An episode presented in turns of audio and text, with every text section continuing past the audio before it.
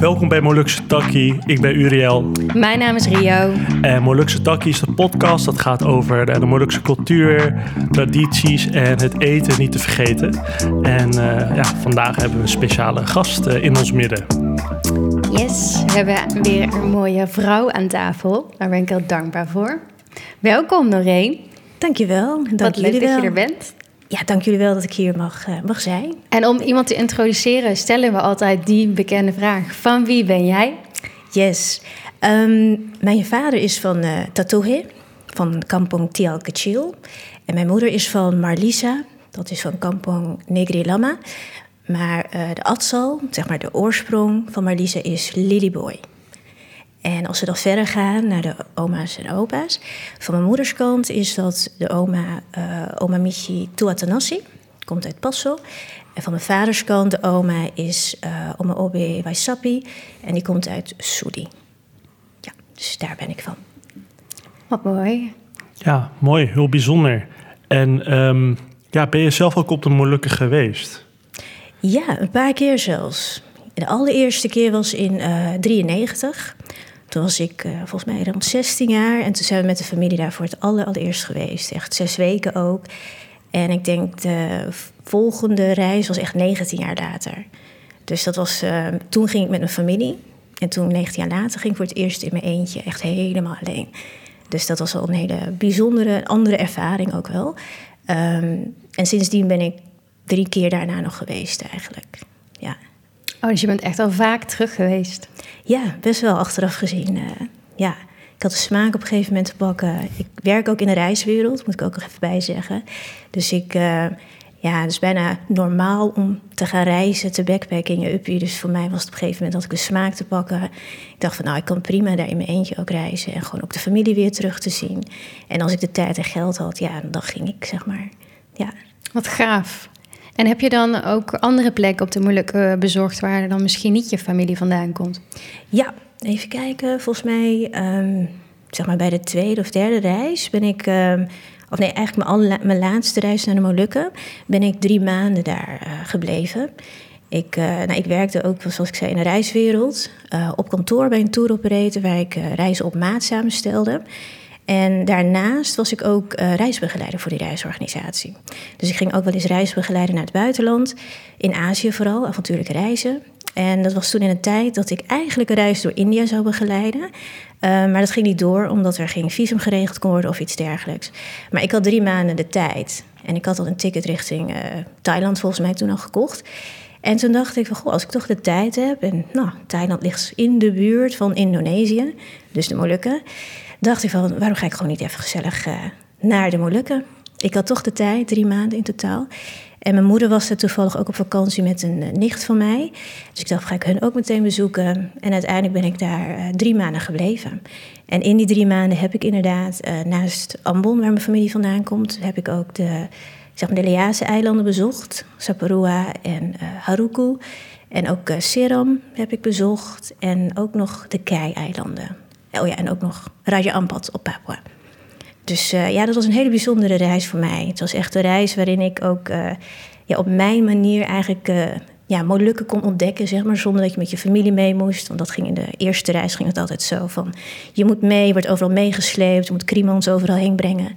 Ehm, dus je ging met je moeder mee en die deed altijd ja, verhalen en vertellen en dat soort dingen. En dit keer ging ik dus alleen. Dus ik leerde ook eigenlijk van, hey, hoe ga je jezelf daar met de kennis van de taal die je nog hebt, daar proberen ja, rond te reizen. En dat ging heel goed achteraf gezien. Eh, ik kreeg zelfs complimenten ook van familie daar. Dat ze het toch bijzonder vonden dat je nou ja, toch opgegroeid bent in Nederland. Toch nog aardig wat woordjes of gewoon echt kon, ja, kon praten zeg maar, met hun. En ik, ik heb altijd als ik reis ook een schriftje bij me. Dat ik altijd woordjes opschrijf als ik iets niet weet. Dan vraag ik het ook. En dan schrijf ik het zo op. En zo onthoud ik ook eh, bepaalde woordjes. Maar eh, dat was een van de langste reizen die ik had gedaan. Moeilijk eh, drie maanden. En dan die eilanden heb ik toen ook bezocht. Ja, Ja, super bijzonder. Ook stoer dat je dat durft.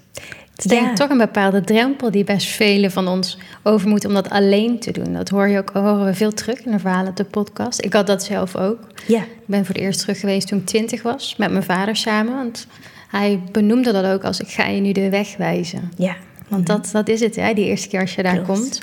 Dus heel veel mensen die niet de weg worden gewezen door van alles. Misschien zijn je ouders er niet meer. Of Ja. eh, eh, is die drempel veel hoger, merk ik. Snap ik, ja. Nee, precies wat je zei. Hè? De allereerste keer was ook inderdaad met mijn familie. En dat was wat mooie, want we werden op, de, op die reis werden we eigenlijk een soort van ehm, verwelkomd in het eh, ouderlijk huis van mijn vaders familie, zeg maar. Eh, mijn vader was overleden toen ik elf was. Dus mijn moeder wilde ook met die reis dat we de familie van mijn vader leren kennen. En die hadden toen echt een ceremonie gedaan, zo van verwelkomen. eh, in hun ouderlijk huis, zeg maar. Dus ik kreeg ook meteen te maken met een ceremonie, zeg maar. Dus dat was heel bijzonder. Dus dat was, dat was echt de eerste reis dat ik eigenlijk een soort van ceremonieel eigenlijk ook kennis maakte met eh, de Molukken, de weg inderdaad gewezen werd. Ja, en vanaf toen had ik zoiets van, nou, dat heb ik gehad. En nu wil ik kijken of ik het zelf eh, kan en durf. Wat prachtig, hè? En hoe ziet zo'n ceremonie eruit dan? Eh, wat ik me nog van kan herinneren was dat ehm, zeg maar een van de oudste ouderen die nog leefde, zeg maar, dus zeg maar een zus van mijn opa, die was al ergens in de negentig. ehm, die was degene die het opende ook, zeg maar. Je moet dan zien dat het ouderlijke huis, eh, daar moet je dan over de drempel lopen. Dus de belangrijkste familieleden zitten al binnen, die ontvangen jou dan. En die oma zit dan in die deuropening met een wat ik weet, een kom water, dat gezegend is. Ehm, en dan is de bedoeling dat ik heb een broertje en een zus en mijn moeder, dat ze één voor één naar binnen gaan, zeg maar. Dan worden gezegend met het water, dus ze moeten een slok nemen uit het eh, kommetje. En dan loop je de drempel over, zeg maar. En dan word je een soort van verwelkomd. Dus dat moesten we achter elkaar, eh, moesten we dat doen. Dus dat was wel heel bijzonder en ook best emotioneel. Daar waren er ook veel materiaal gemaakt van een, een neef, een Nederlandse neef die er ook was. Maar helaas zijn die materiaal eh, was gestolen op het vliegveld ergens. Dus daar hebben we helaas geen beelden van, maar nog wel hele mooie herinneringen. Dus eh, dat is heel bijzonder, dat wel. Ja, Ook belangrijk, hè? als je bij eh, mensen binnengaat, althans in onze cultuur, is het heel belangrijk ook om toestemming te vragen, hè? permissie. ja, het is niet zo dat, dat je gewoon eh, aan het begin van je reis bij de eerste keer bij iedereen binnen kan lopen. Je moet altijd als eerste je, ou- het ouderlijk huis eh, bezoeken. ja, Dat, eh, dat is toch wel een soort ongeschreven regel eh, bij, bij, bij onze cultuur ook. ja. Nou, precies wat je zegt. Dat was eigenlijk ook, hè, van mijn vaders kant notabene, hè, we zijn van Tatoe. Dus dat werd op die manier ook, wat je zegt, eerst naar die ouderlijk huis. Daar bleven we dan ook als eerste slapen, ook bij de familie daar voor een paar dagen. Wat ik natuurlijk helemaal geweldig vond, want ze woonden, het is een vissersdorpje. Dus gewoon pal aan het strand. Dus ze hadden ook echt een huisje waren ze aan het bouwen, waar je meteen vanuit het, het strand op kon gaan, zeg maar. Maar ja, wat je zegt, het is echt zo'n van... Het eerste wat je doet is naar die ouderlijk huis eerst gaan. En eh, nou, in, in dit geval werd het heel ceremonieel gedaan, zeg maar. Maar dat, eh, ja, dat vind ik een hele mooie ja, manier van verwelkomen ook. eh, ja. Ja, heel bijzonder ook. Ja, heel bewust, hè? Er wordt echt bij stilgestaan. Ja, Van het moment dat je je Rumatua hè, binnenstapt. ja, En ja, wat het dan, eh, dat je welkom bent. dat, precies dat. Ja. Het is, het is ook zo dat, eh dit is een verhaal die ik weet van mijn eh, opa en oma. Dat eh, toen mijn opa de hand vroeg van mijn oma, moest hij ook eerst eh, naar het huis van mijn oma gaan. En eh, zichzelf voorstellen en eh, ja, permissie vragen. Dus ja, ik kan me wel voorstellen dat dat natuurlijk voor mijn opa heel veel druk met zich meebrengt. maar het, het is inderdaad wel iets wat vaak terugkomt. Dat alles wat je doet voor de eerste keer of voor belangrijke momenten, dat je dan eh, die toestemming vraagt. Ja, En dat het dan op eh, verschillende manieren, dat het door een ceremonie eh, traditioneel wordt gedaan. En ehm, ja, dat vind ik ook wel mooi dat we bepaalde tradities hanteren ook. Hè? Eh, Ja. En dat we dat ook heel belangrijk vinden. En eh, over tradities eh, gesproken. Ik zie bij jou hieronder, on- onder bij jouw nek, Ja. zie ik, als ik het goed zeg, zonnetekens. Zou je daar wat meer over ver- kunnen vertellen? En zou je het misschien ook probeer- pro- kunnen proberen te omschrijven van wat we zien? ja. Ja, Ik heb inderdaad op mijn keel een, een, een tattoo-marking, een Molukse marking. Eh, die heb ik laten zetten door eh, Joe, zeg maar, van Patasiva Tattoo. Ehm, het is eigenlijk een beetje mijn verhaal van mijn leven tot nu toe, wat hier eigenlijk op, op getekend is eigenlijk. Dit jaar was een heel bijzonder jaar voor mij. Ehm, dit jaar was het ook 70 jaar Molukkers in Nederland. En uh, 21 maart was die uh, Bitte Dicini livestream van het uh, Moluks Museum. Dat heeft heel veel met mij gedaan, zeg maar. Het heeft me op zoveel lagen geraakt. En um, ik heb eigenlijk naar aanleiding van die uitzending... Um, heb ik zeg maar workshops gaan houden voor Molukse vrouwen. Ik ben ademcoach trouwens, dus dat is daaruit voortgekomen. En dat gaf mij zoveel kracht. En um, ja, ik, ik, ik merkte dat ik zo connected was in één keer met mijn voorouders ook. Het is echt een proces voor mij geweest de afgelopen maanden. En toen dacht ik van ja, dit was het juiste moment om zo'n tattoo nu te zetten ook, uh, zeg maar. Dat, dat versterkt eigenlijk, zo voelde ik het, versterkt eigenlijk de kracht die ik al in me had op dat moment. En wat erop getekend is, is eigenlijk, uh, je ziet iets van vijf sterren vanuit mijn kin tot ongeveer mijn keel. Um, ja, dat zijn eigenlijk sterren die, die mijn pad wijzen, zeg maar, uitstippelen. Waar het, uh, ja, mijn levensreis, zeg maar.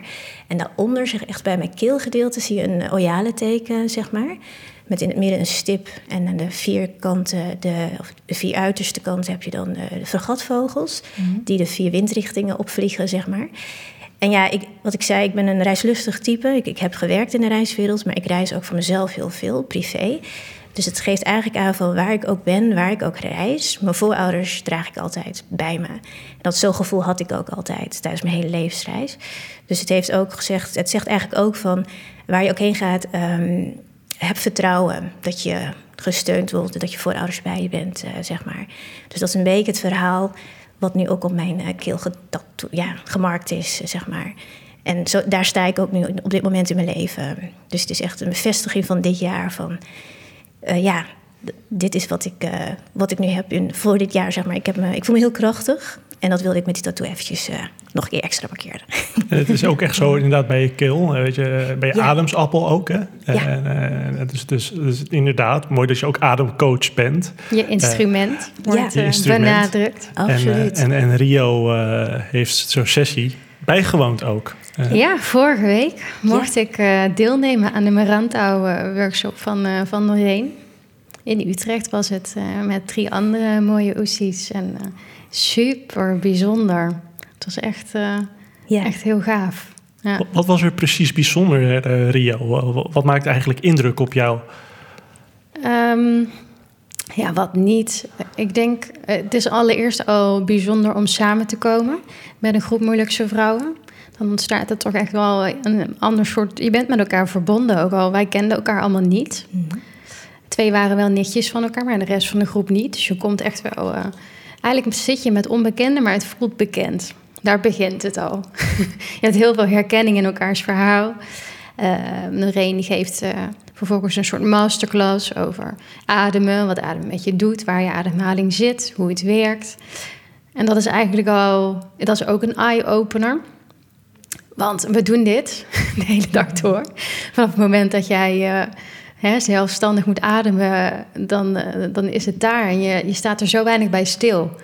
Terwijl het zo'n groot proces in je leven is. En, en wat je er allemaal mee kan. En uh, dat we dat gewoon soms heel erg vergeten. Dat je dat je, je stresslevel ermee kan besturen. En waar je zit in je flight, freeze, fight modus. Hè? Wanneer je stress hebt, gaan we een van die drie dingen doen. En wat dat dan met je doet en hoe je jezelf er weer uit kan halen met adem.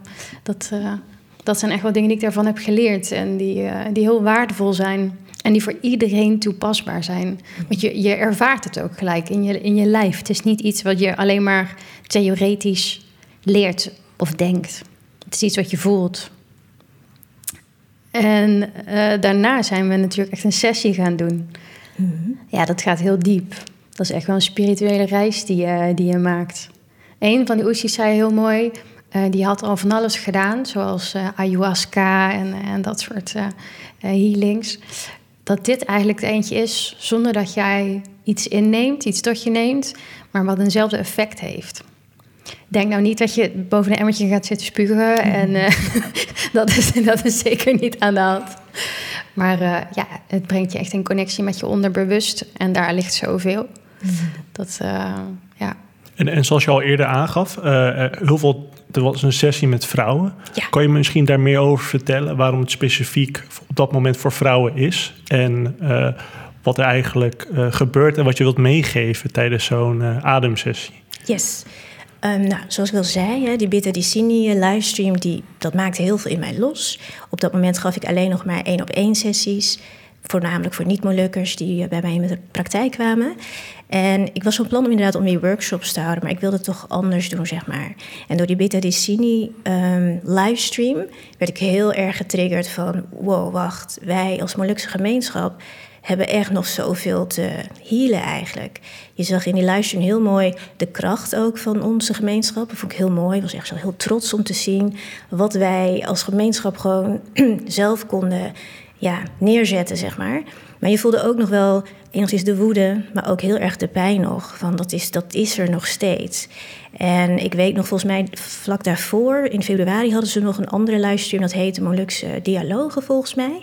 Dat werd gemodereerd door Joniek Vreeswijk en Jefta Patikawa.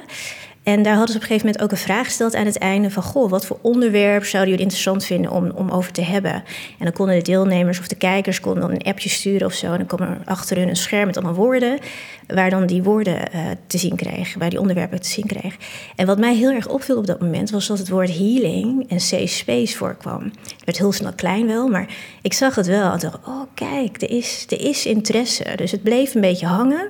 En toen kwam die Bitter Dicini livestream. Ja, toen werd het alleen maar extra aangewakkerd bij mij.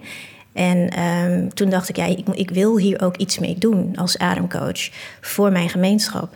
Van, het is een healing tool eigenlijk ook, hè, ademcoachen. Dus toen dacht ik van, um, ik ga dit gewoon voor de Molukse gemeenschap doen.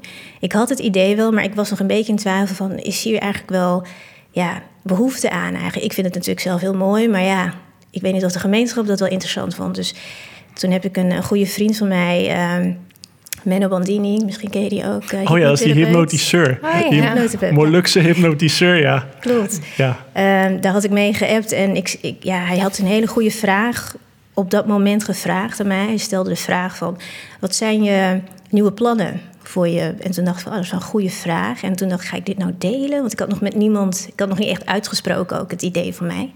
Dus toen deelde ik het wel met hem, maar heel erg van ja, ik ben van plan om misschien een workshop te doen met Molukse mensen. En dan ga ik misschien een beetje de alle wijken langs of zo. Een beetje heel voorzichtig. Maar hij reageerde heel positief op. Hij zei echt van. Uh, wow, als je dat gaat doen, dat, zou echt gaaf zijn. Dus het was even die bevestiging waarschijnlijk die ik toen echt op dat moment nodig had. Mhm. En ja, toen hij dat deed en ik dacht van ja, waarom ook niet? Toen ging ik echt aan de slag. Ik ging op een gegeven moment, dacht ik oké, ik wil eerst nog weten of er behoefte aan is.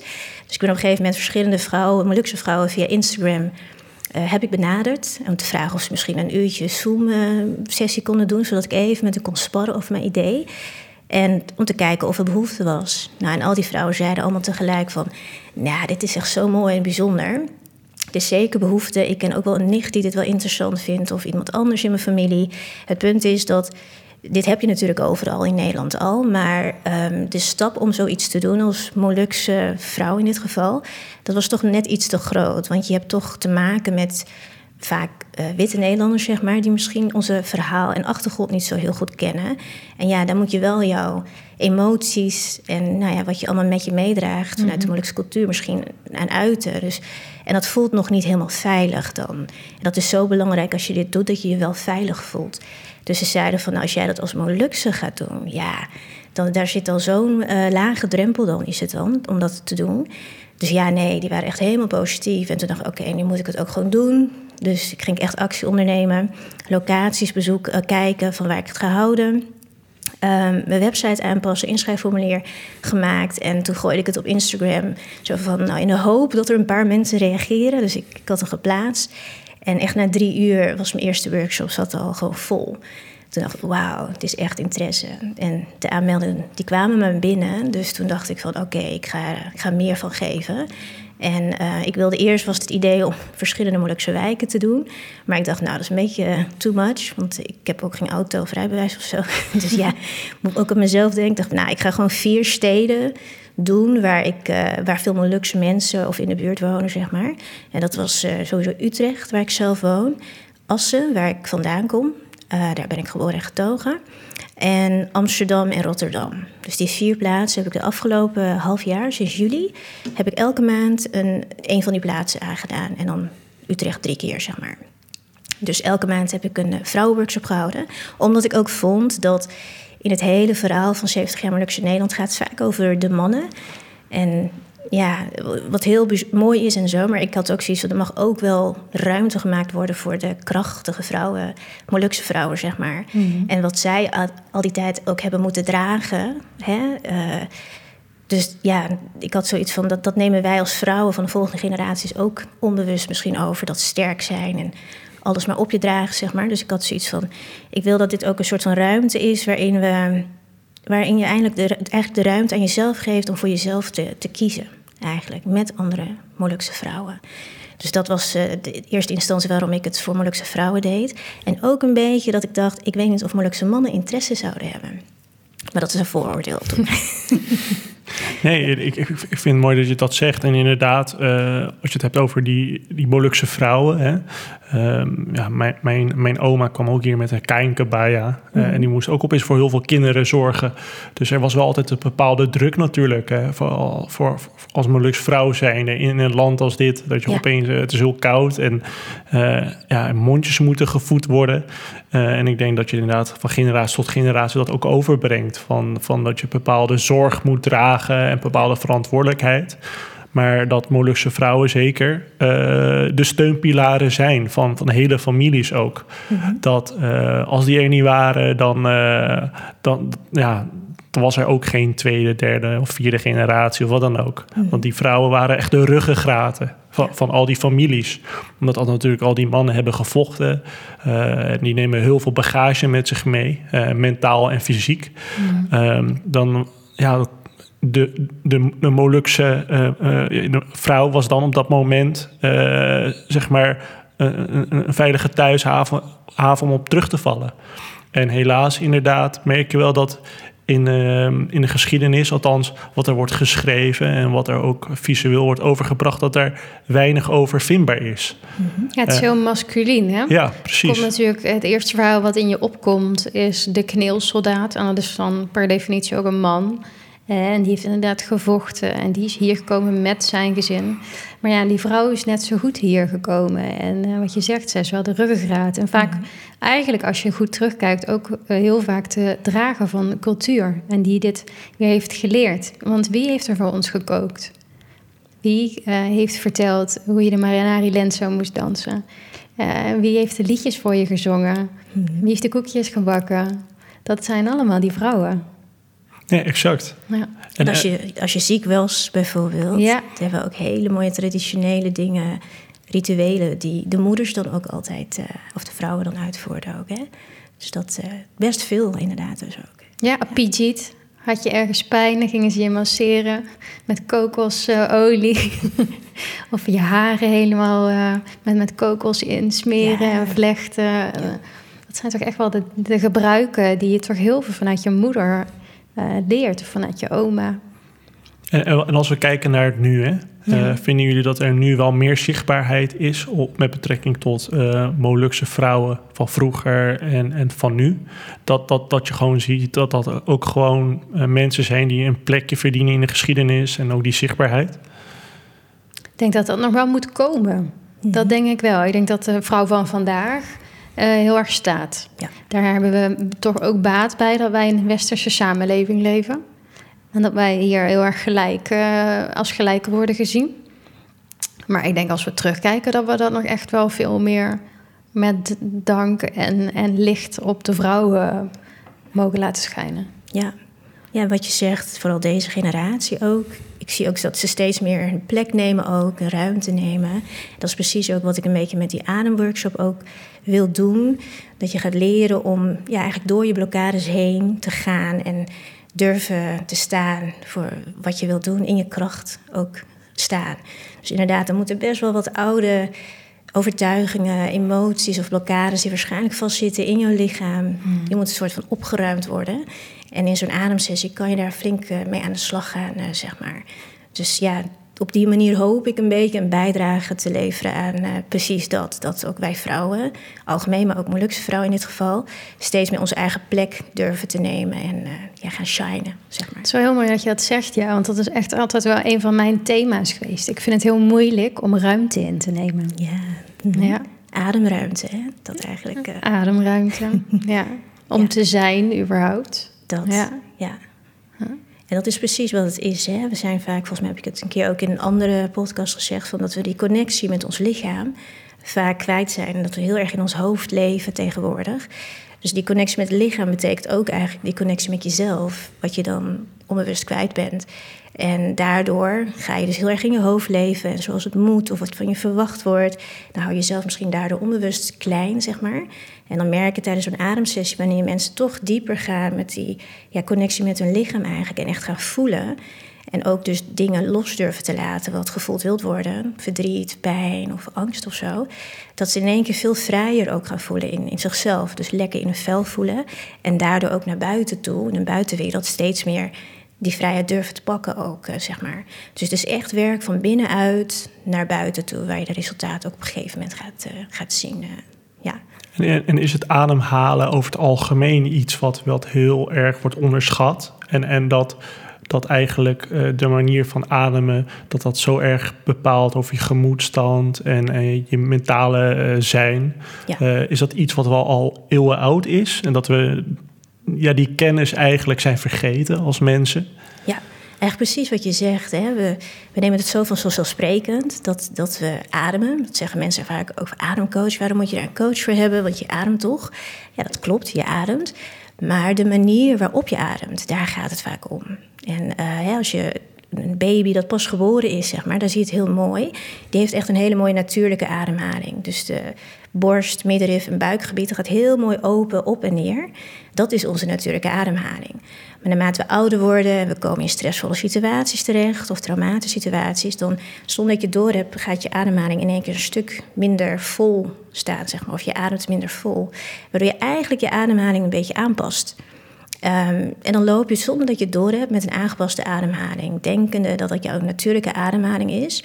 Um, maar dat blijkt dus heel erg aangepast te zijn. Dus je benut eigenlijk, men, zegt dat over het algemeen uh, eh, 80% van de mensen maar 30% van hun ademcapaciteit gebruiken. Dat is heel weinig. Dus als je nagaat dat eigenlijk alle lichaamsprocessen die zijn afhankelijk van de zuurstof die je naar binnen krijgt. En als je daar maar 30% van binnen krijgt, ja, dan kun je nagaan. Dan moet het lichaam dat helemaal verdelen in het lichaam. En dan kunnen bepaalde onderdelen soort van uitvallen. Uh, waardoor je inderdaad bijvoorbeeld uh, mentale klachten gaat krijgen. Of mensen kennen heel vaak hyperventilatie of astma als typische ademklachten.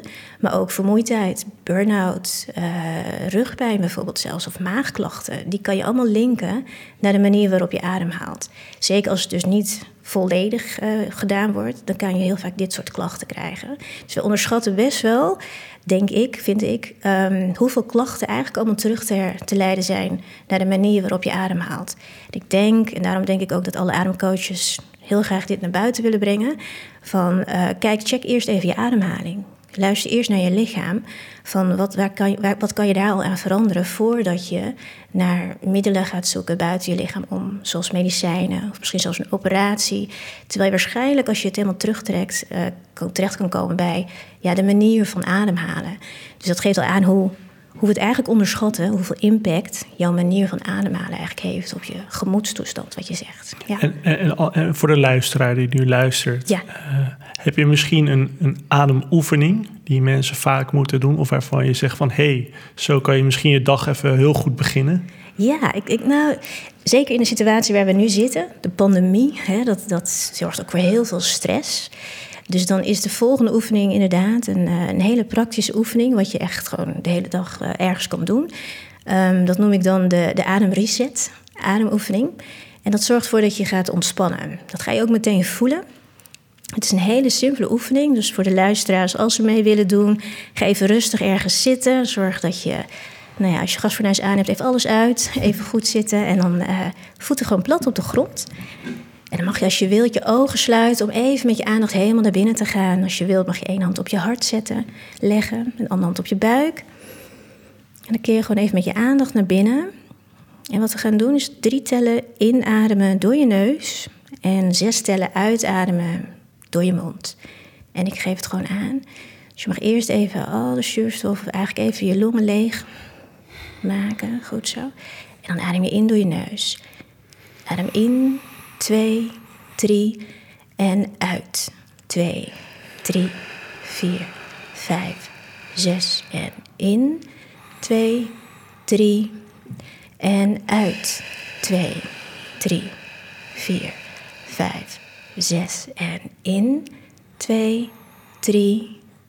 En uit, twee, drie, vier, vijf, zes. En in, twee, drie. En uit, twee, drie, vier, vijf, zes. En in, twee, drie. En uit, twee, drie, vier, vijf, zes. En voel maar even na. Even nog bij je lichaam blijven. Even voelen wat je nu voelt. En dan mag je rustig je ogen weer openen. Nou, en voel maar wat je voelt. Wat voel me relaxed. ja, ik ook. En ik voel me... Uh, ik was even helemaal niet meer bezig met... oh, we zijn een podcast aan het maken. Ik was helemaal ingetuned alleen op je stem en op mijn adem.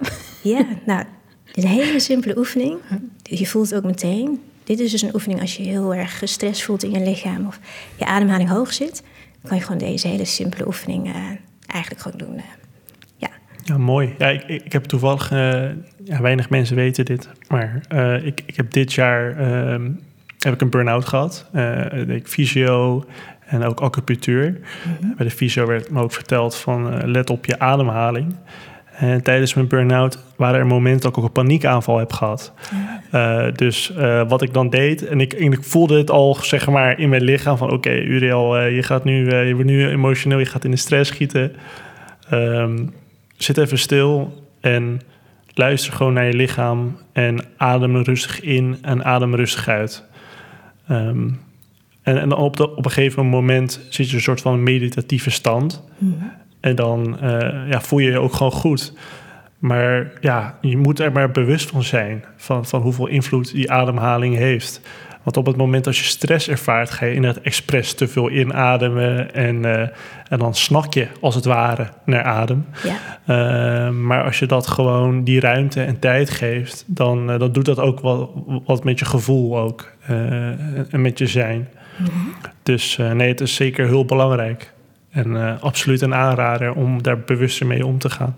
Ja. Mm -hmm. ja, want wat doe je? Wat ik tenminste doe als ik stress voel of ik heb druk, dan zet ik mijn ademhaling vast. Ja. Dan hou ik hem hier. Ja. En dan voel je dat ook in je schouders. En ja. uh, ik heb ook vaak last van mijn schouders, omdat ik dat doe. Ik zet het vast in mijn lijf. Maar wat zeg je vast? Je ademhaling. Ja, letterlijk, hè? Ja. Je, je, levensenergie eigenlijk. Je levensenergie, ja. Je dat is misschien wat je, ja. wat je ook zegt, dat hoor ik heel vaak, ook in mijn praktijk, dat mensen echt heel hoog met hun ademhaling zitten. En daarmee komen ze ook, hè, van wat je zegt, paniekaanvallen, met een burn-out, of ze voelen gewoon druk op hun borst. En dat komt omdat ze zo hoog met de ademhaling ook zitten. En inderdaad, wat je zegt, ook uh, vasthoudt. Um, en zo ben ik zelf ook eigenlijk bij Ademcoach terechtgekomen. Ik had zelf een omgekeerde ademhaling. Ik wist niet eens dat het bestond, maar daar kwam ik achter, ergens in het begin 2000, tijdens mijn opleiding, deden we een uh, presentatieworkshop. En toen moesten we uit een boek voorlezen. En de begeleiders die gingen achter in de zaal staan en ik moest dat dan voorlezen. toen zei ze de hele tijd van, nou, we horen je niet, Noreen. Weet je, je stem is heel zacht. Mijn stem was ook altijd heel zacht. Dus kan je wat harder praten. En ja, ik had zoiets, ik, ik praat op mijn hardst op dit moment. Ik kan er niet meer uit krijgen. Dus... toen gingen ze naar mijn ademhaling kijken. Toen keken ze, oh, je ademt wel heel anders. Zo van, hé, hey, je, je ademt omgekeerd. Dus wat ik dus deed, blijkbaar, was als je inademt... dan moet je buik eigenlijk uitzetten. Maar in mijn geval bleef hij gewoon plat eigenlijk. En zat ik eigenlijk heel erg boven. En toen zei ze, oh ja, dat, uh, dat, dat, dat verklaart misschien wel waarom je zo zacht praat en weinig energie uh, hebt om dat harder te praten. En ze gaven als tip, ja, dan moet je gewoon even andersom ademen. Dat was het enige wat mij toen gezegd werd. Maar ja, hoe, dat, dat lukte mij niet. Want er was een reden in mijn geval waarom het zo omgekeerd was. En even andersom doen, dat, dat ging niet even vanzelf. En niemand vertelde mij toen ook hoe ik dat dan kon doen. Nou, dat was begin 2000 en rond 2017 ben ik met, uh, met de ademcoachopleiding uh, begonnen. Ja, en daar kwam ik toen achter van, oh, er zit zoveel meer nog achter waarom ik op die manier ademhaal, zeg maar. En daar heb ik eigenlijk geleerd, hè, als je ademhaalt, zeg maar, dan, dan, dan haal je eigenlijk adem met een bepaalde spier, de middenrif of de diafragma. Als je ademhaalt, zakt die namelijk naar beneden. Daarom gaat je buik ook uitzetten, zeg maar. Dus je uh, uitademt, gaat hij weer omhoog. Dus de bedoeling is eigenlijk dat dat, dat is de ademhalingsspier, dat je daarmee ademt. Nou, in mijn geval, heel vroeg blijkbaar in mijn leven, um, heb ik gewoon die spier als het ware zo aangespannen van de spanning. Dus gewoon iets gebeurd. Nou, mijn vader is overleden bijvoorbeeld hè, in het mhm. verleden. Dus dat heeft zoveel emoties, zeg maar, gingen toen, ja, kwamen los, zeg maar. En omdat het voor mijn, voor mijn lichaam te veel was om te dealen, besloot mijn ademhalingsspier eigenlijk om het maar vast te zetten. Zo van onderdrukken, zodat ik die emoties niet hoefde te voelen. Dus eigenlijk vanuit het lichaam gezien ga je in een soort van freeze stand. Wat je ook, dat je houdt het vast. Mhm. En als je dat maar lang genoeg doet in je leven, op een gegeven moment zit het zo stijf van de spanning eigenlijk in je spier, dat die nauwelijks echt beweegt. En in mijn geval ging het dus op een gegeven moment dan maar omgekeerd ademen. Dat was een soort van overlevingsstrategie van mijn lichaam om maar niet hoeven dealen met heftige emoties, zeg maar.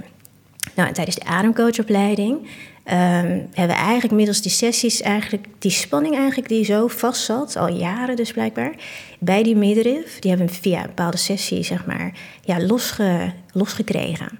En in mijn geval had dat te maken met, uh, er was een sessie waar je moest tonen. Dat betekent dat je een geluid moet maken als je uitademt.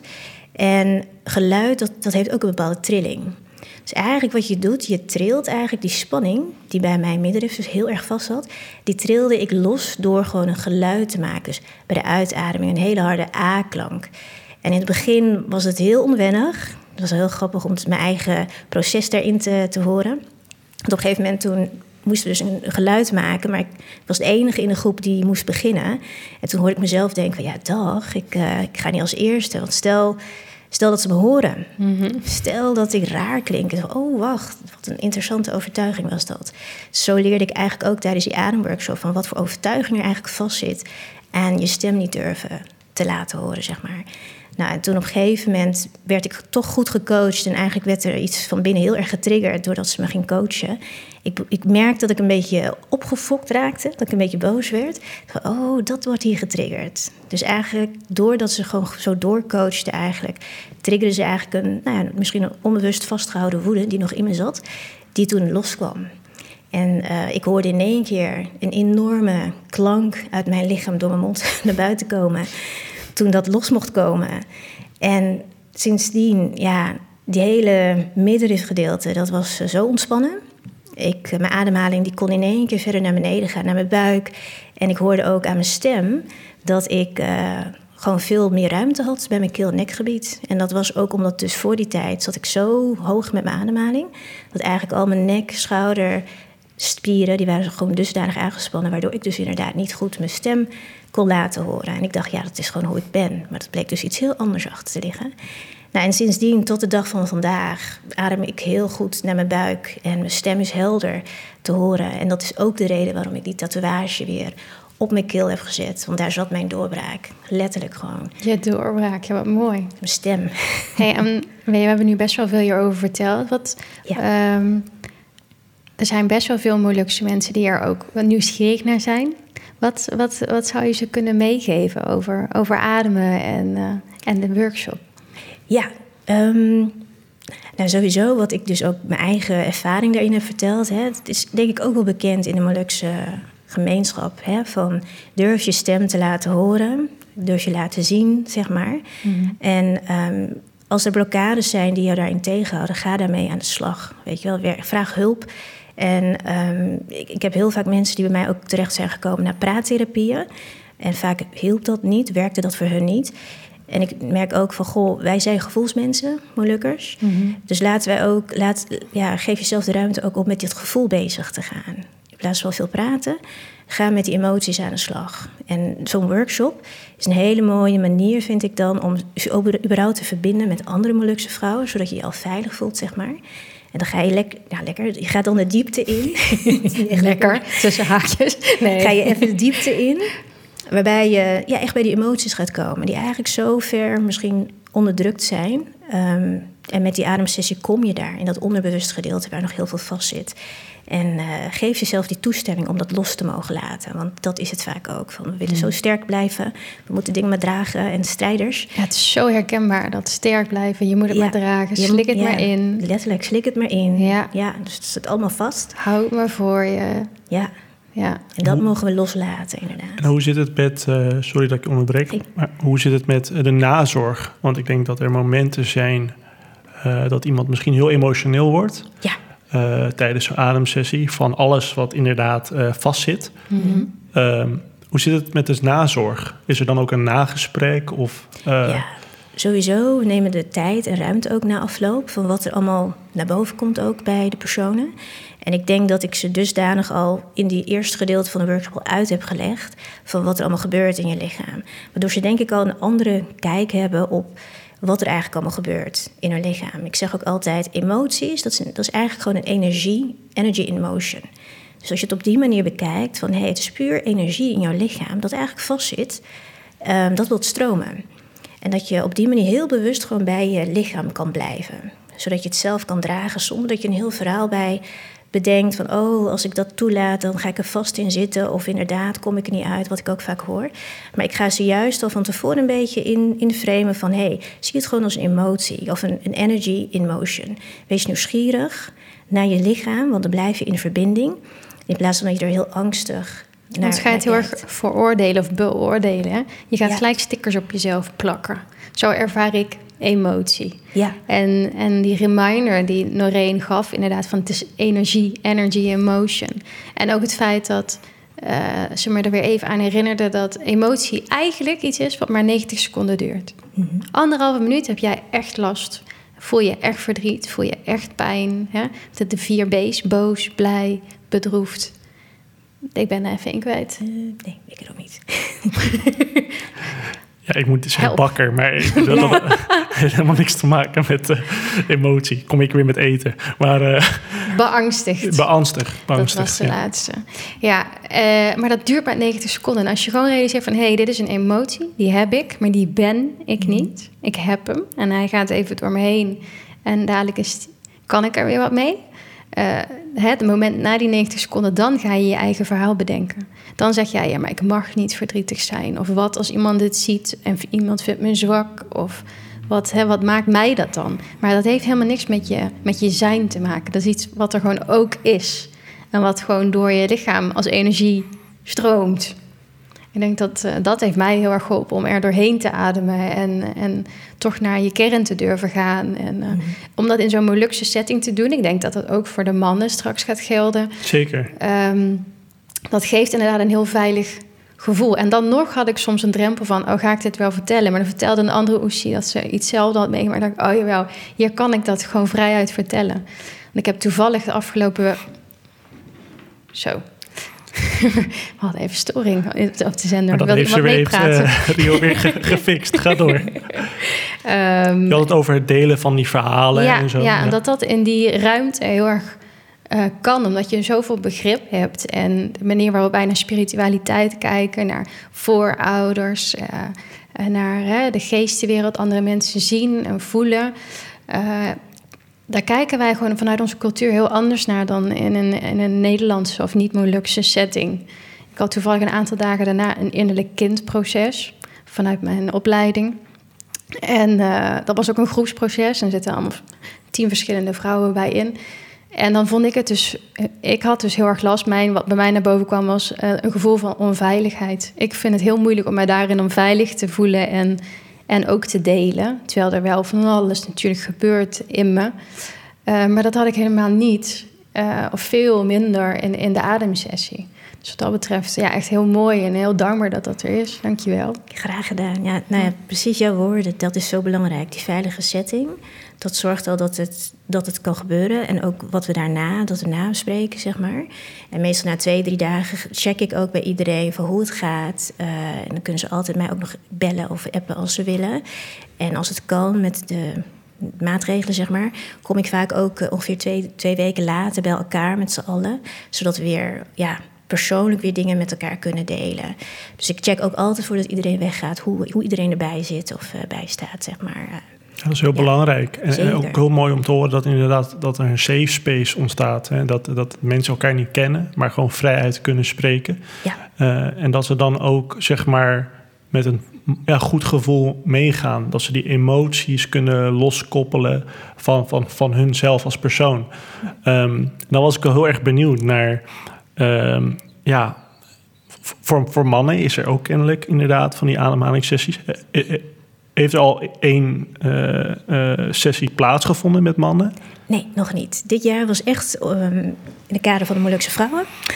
Dus volgend jaar ben ik, heb ik besloten, ik, via via kreeg ik te horen dat er best wel wat mannen toch ook wel interesse hadden. Dus toen dacht ik van nou, dan ga ik volgend jaar beginnen met en een mannen- en een vrouwenworkshop. Dus volgend jaar, um, volgens mij is de eerste op 22 januari voor mannen. Die zit al vol. De tweede zit ook al vol. Dus ja, in maart is dan nog uh, de eerstvolgende die nog beschikbaar is. Maar volgend jaar gaan er een stuk of vijf mannenworkshops en vijf vrouwenworkshops die uh, ja, gaan plaatsvinden.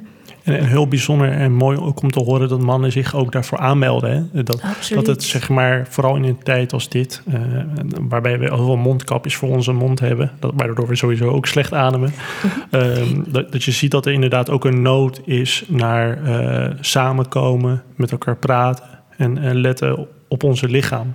Want nu wordt dat een beetje genegeerd van hoe we met onze lichaam omgaan. Um, en, en goed dat dat weer wordt opgepakt. En ik vind het ook wel mooi dat gewoon dat er ook safe spaces zijn, ook voor mannen. Want mhm. ook daar is een soort taboe over van dat mannen altijd uh, stoer zijn, geen emotie. emotie praten. Ja. Emotie, wat is dat?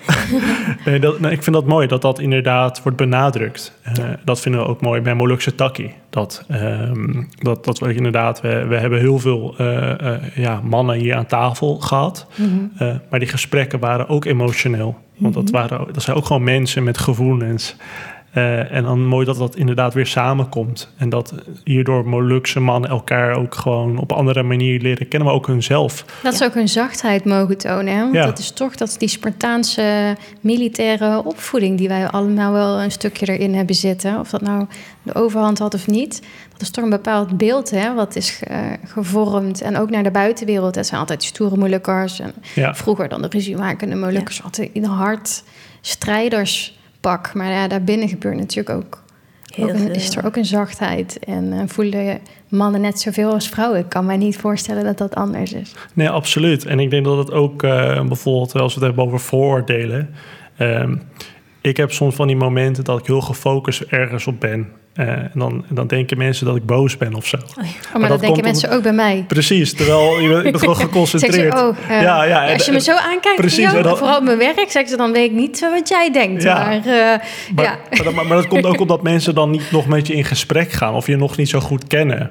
En dan op het moment als je met ze praat, dan je, oh, je bent wel heel vrij relaxed of heel rustig of zo. Dan denk ik, ja, natuurlijk, waarom zou ik fucking boos op je zijn? maar dat is toch wel een soort uh, ja, en een cliché en een vooroordeel van, van, van, van ook over Molukse mannen. Van oh, uh, ze zijn ongevoelig of uh, uh, ze hebben weer die zonnebril op. ja, ik bedoel, je hebt altijd toch die oom die die zonnebril op hebt, maar gewoon super aardig is. Toch? Aan. Precies, maar die super aardig is, weet je. Als je hem alleen maar gedag zegt en groet. ik weet niet, dat, dat ja, onze, ja, wij als Molukse mensen zijn ook gewoon zo van... we lijken soms afstandelijk, maar als je naar ons toestapt... en gewoon jezelf netjes voorstelt... ja, dan mhm. gaan er hele deuren open. Echt letterlijk deuren, dat je bij mensen kan eten en zo. Er zijn mensen met heel veel emotie en heel veel energie... die we naar buiten dragen. En ik denk dat dat veel mensen ervaren. En uh, soms dus ook dat het heel erg kan binnenkomen... omdat we gewoon heel energetische wezens zijn. Ja. Dat denk ik. Hey, ik, heb nog wel een leuke vraag. Vertel. Um, we vragen altijd, wat is Moluk zijn voor jou? Ja, um, voor mij is het toch uiteindelijk terug te trekken gewoon naar de Adat. Heel veel dingen wat ik ook heb gehoord de afgelopen podcast, van dat uh, lijn bantolijn, uh, alera sabaterassa, dat, dat is toch weer terug te trekken naar de Adat van onze voorouders die dat toen al, als het ware, een soort van levensvisie hebben samengesteld. Waarin inderdaad het belang, een van de belangrijkste onderdelen, dat was er voor elkaar zijn. En elkaar steunen in voor- en tegenspoed, zeg maar.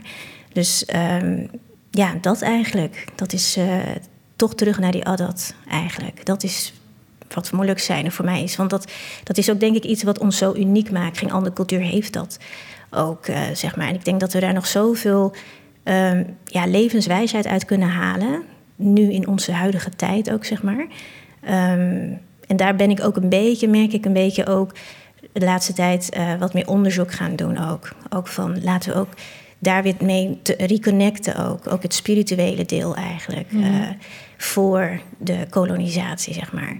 Dus dat, eh maar de adat eigenlijk, uiteindelijk. Ja. Mooi, en vooral dat spirituele. Dat is ook wel iets wat, wat steeds meer naar, naar boven komt hè, en naar de oppervlakte. Ook steeds meer mensen die zich eh, op een traditionele manier laten tatoeëren. Eh, mensen die bezig zijn met ademhalen. Maar ook mensen die vrijuit eh over durven te spreken. Ja. Over eh, bijvoorbeeld dat familieleden in de avond langs wijze zijn gekomen. Eh, familieleden die niet meer leven. Dus, Ja, dus niet, dat niet is, meer leven, ja, dat moet je ja, ja, zeg maar, ja, inderdaad. Ja, zeg maar, dat, dat is toch wel onderdeel van die cultuur. En dat, zijn van die verhalen die je ook gewoon heel vaak bij mensen terug hoort.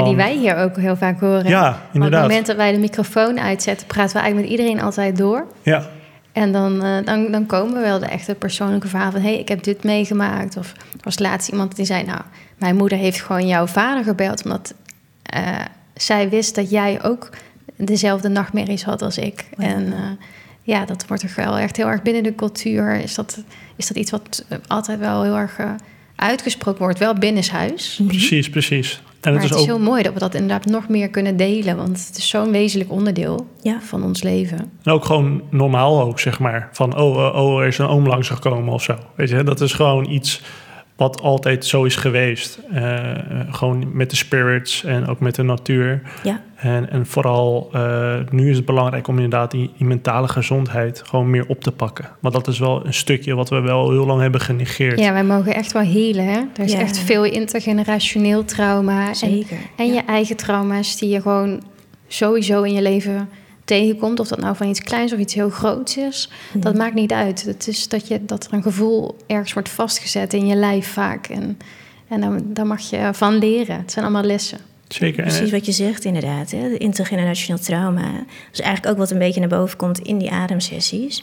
Want wat je doet nu, wat wij doen eigenlijk, dat healen, dat doe je niet voor jezelf. Weet je, dat doe je ook voor, je, voor de generaties voor je, maar ook voor de generaties na je. Dus het is, vind ik heel bijzonder in al die workshops, als we het toch over spirituele dingen hebben. Ja, er komen gewoon voorouders. Hun aanwezigheid is bij heel veel deelnemers gewoon voelbaar. In de vorm van een aanraking of zelfs een beeld die ze zien of iets voelen. Dus daarin merken we ook van dit was niet eens de intentie van mijn workshops dat dat zou gebeuren, zeg maar. Maar dat gebeurt. Dus dat geeft ook al aan hoe wij eigenlijk heel erg connected nog zijn uh, met die spiritwereld eigenlijk, met onze voorouders. En in zo'n workshop zie je dan dat iedereen er ook heel vrij over gaan praten. Ook van, heb je dat? Ja, ik had dat ook ervaren. En dat ze dan, omdat ze in zo'n veilige setting zitten, dat men daar ook heel erg uh, relaxed over kan praten en kan delen. En dat ze denken van ja, dit is eigenlijk ook weer gewoon normaal. Dit is eigenlijk iets van onze cultuur. Dat moeten we niet stilletjes achter schermen of zo over hebben. Maar ja. daar mogen we ook uh, ja, meer over delen eigenlijk, denk ik. Ja, het is niet raar. Nee. Daar is het niet raar. Zeker ja. niet, nee. nee. En, en, en het mooie is dat als we een beetje terugkijken naar het sneeuwbaleffect, hè, uh, met hoe jij bent begonnen met, met, het, uh, met die ademhaling, coaching, ja. dat Betta Dicini, zeg maar, zoveel los heeft gemaakt. Hm. Uh, ik denk dat dat was ook heel ongekend. Dat was echt een mijlpaal. En, het is um, echt een keerpunt. Ja, ja, absoluut. Dat heeft iedereen zeg maar, op scherp gezet. Van Ja. hey, dit is onze gemeenschap en dit zijn ook de verschillende perspectieven erin.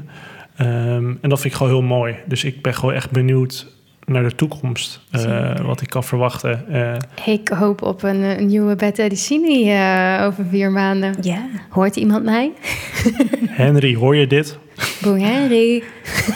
nee, ik, ik, ik, hoop het ook. Ik ben heel erg benieuwd naar, naar de, wat er ja, binnenkort aan mooie dingen gaan komen. Uh, Ja. We merken al op dat, uh, dat inderdaad ook steeds meer Molukse beeldmakers opstaan. Uh, Molukse dansers. Juist, ja. en um, ja, een en al support. is ja. gewoon echt uh, aan de orde van de dag. Mm -hmm. Dat is mooi. Precies. En, uh, en als je inderdaad uh, moet snakken naar adem, of om adem moet komen, dan uh, waar, waar, kunnen mensen dan het beste zich aanmelden eigenlijk? Voor de workshops? Ja. Ja, kan het beste via uh, mijn website www.noreentatouhij.nl. Daar staat een, uh, bij mijn blog, zeg maar, gedeelte, daar, heet, uh, daar heb je een, ja, een artikel, zeg maar, dat heet Merantau. En daar is ook een aanmeldformulier waar je dan je gegevens in kan vullen. En dan uh, ja, zie ik ze wel verschijnen en dan deel ik je in waar nog plek is, zeg maar. Nou, we gaan Noreen sowieso ook taggen overal in. Dus uh, we zorgen dat ze extra vindbaar wordt. Oh, zodat iedereen zijn ruimte in kan nemen. Precies dat, daar gaat het om. Ademruimte ook. Ademruimte, yes. Keep on breathing, yes. Precies, Noreen bedankt. Ja. Heel graag gedaan. Jullie bedankt dat ik hier mocht uh, zijn. Bedankt voor je verhaal. Terima kasih. Dankjewel.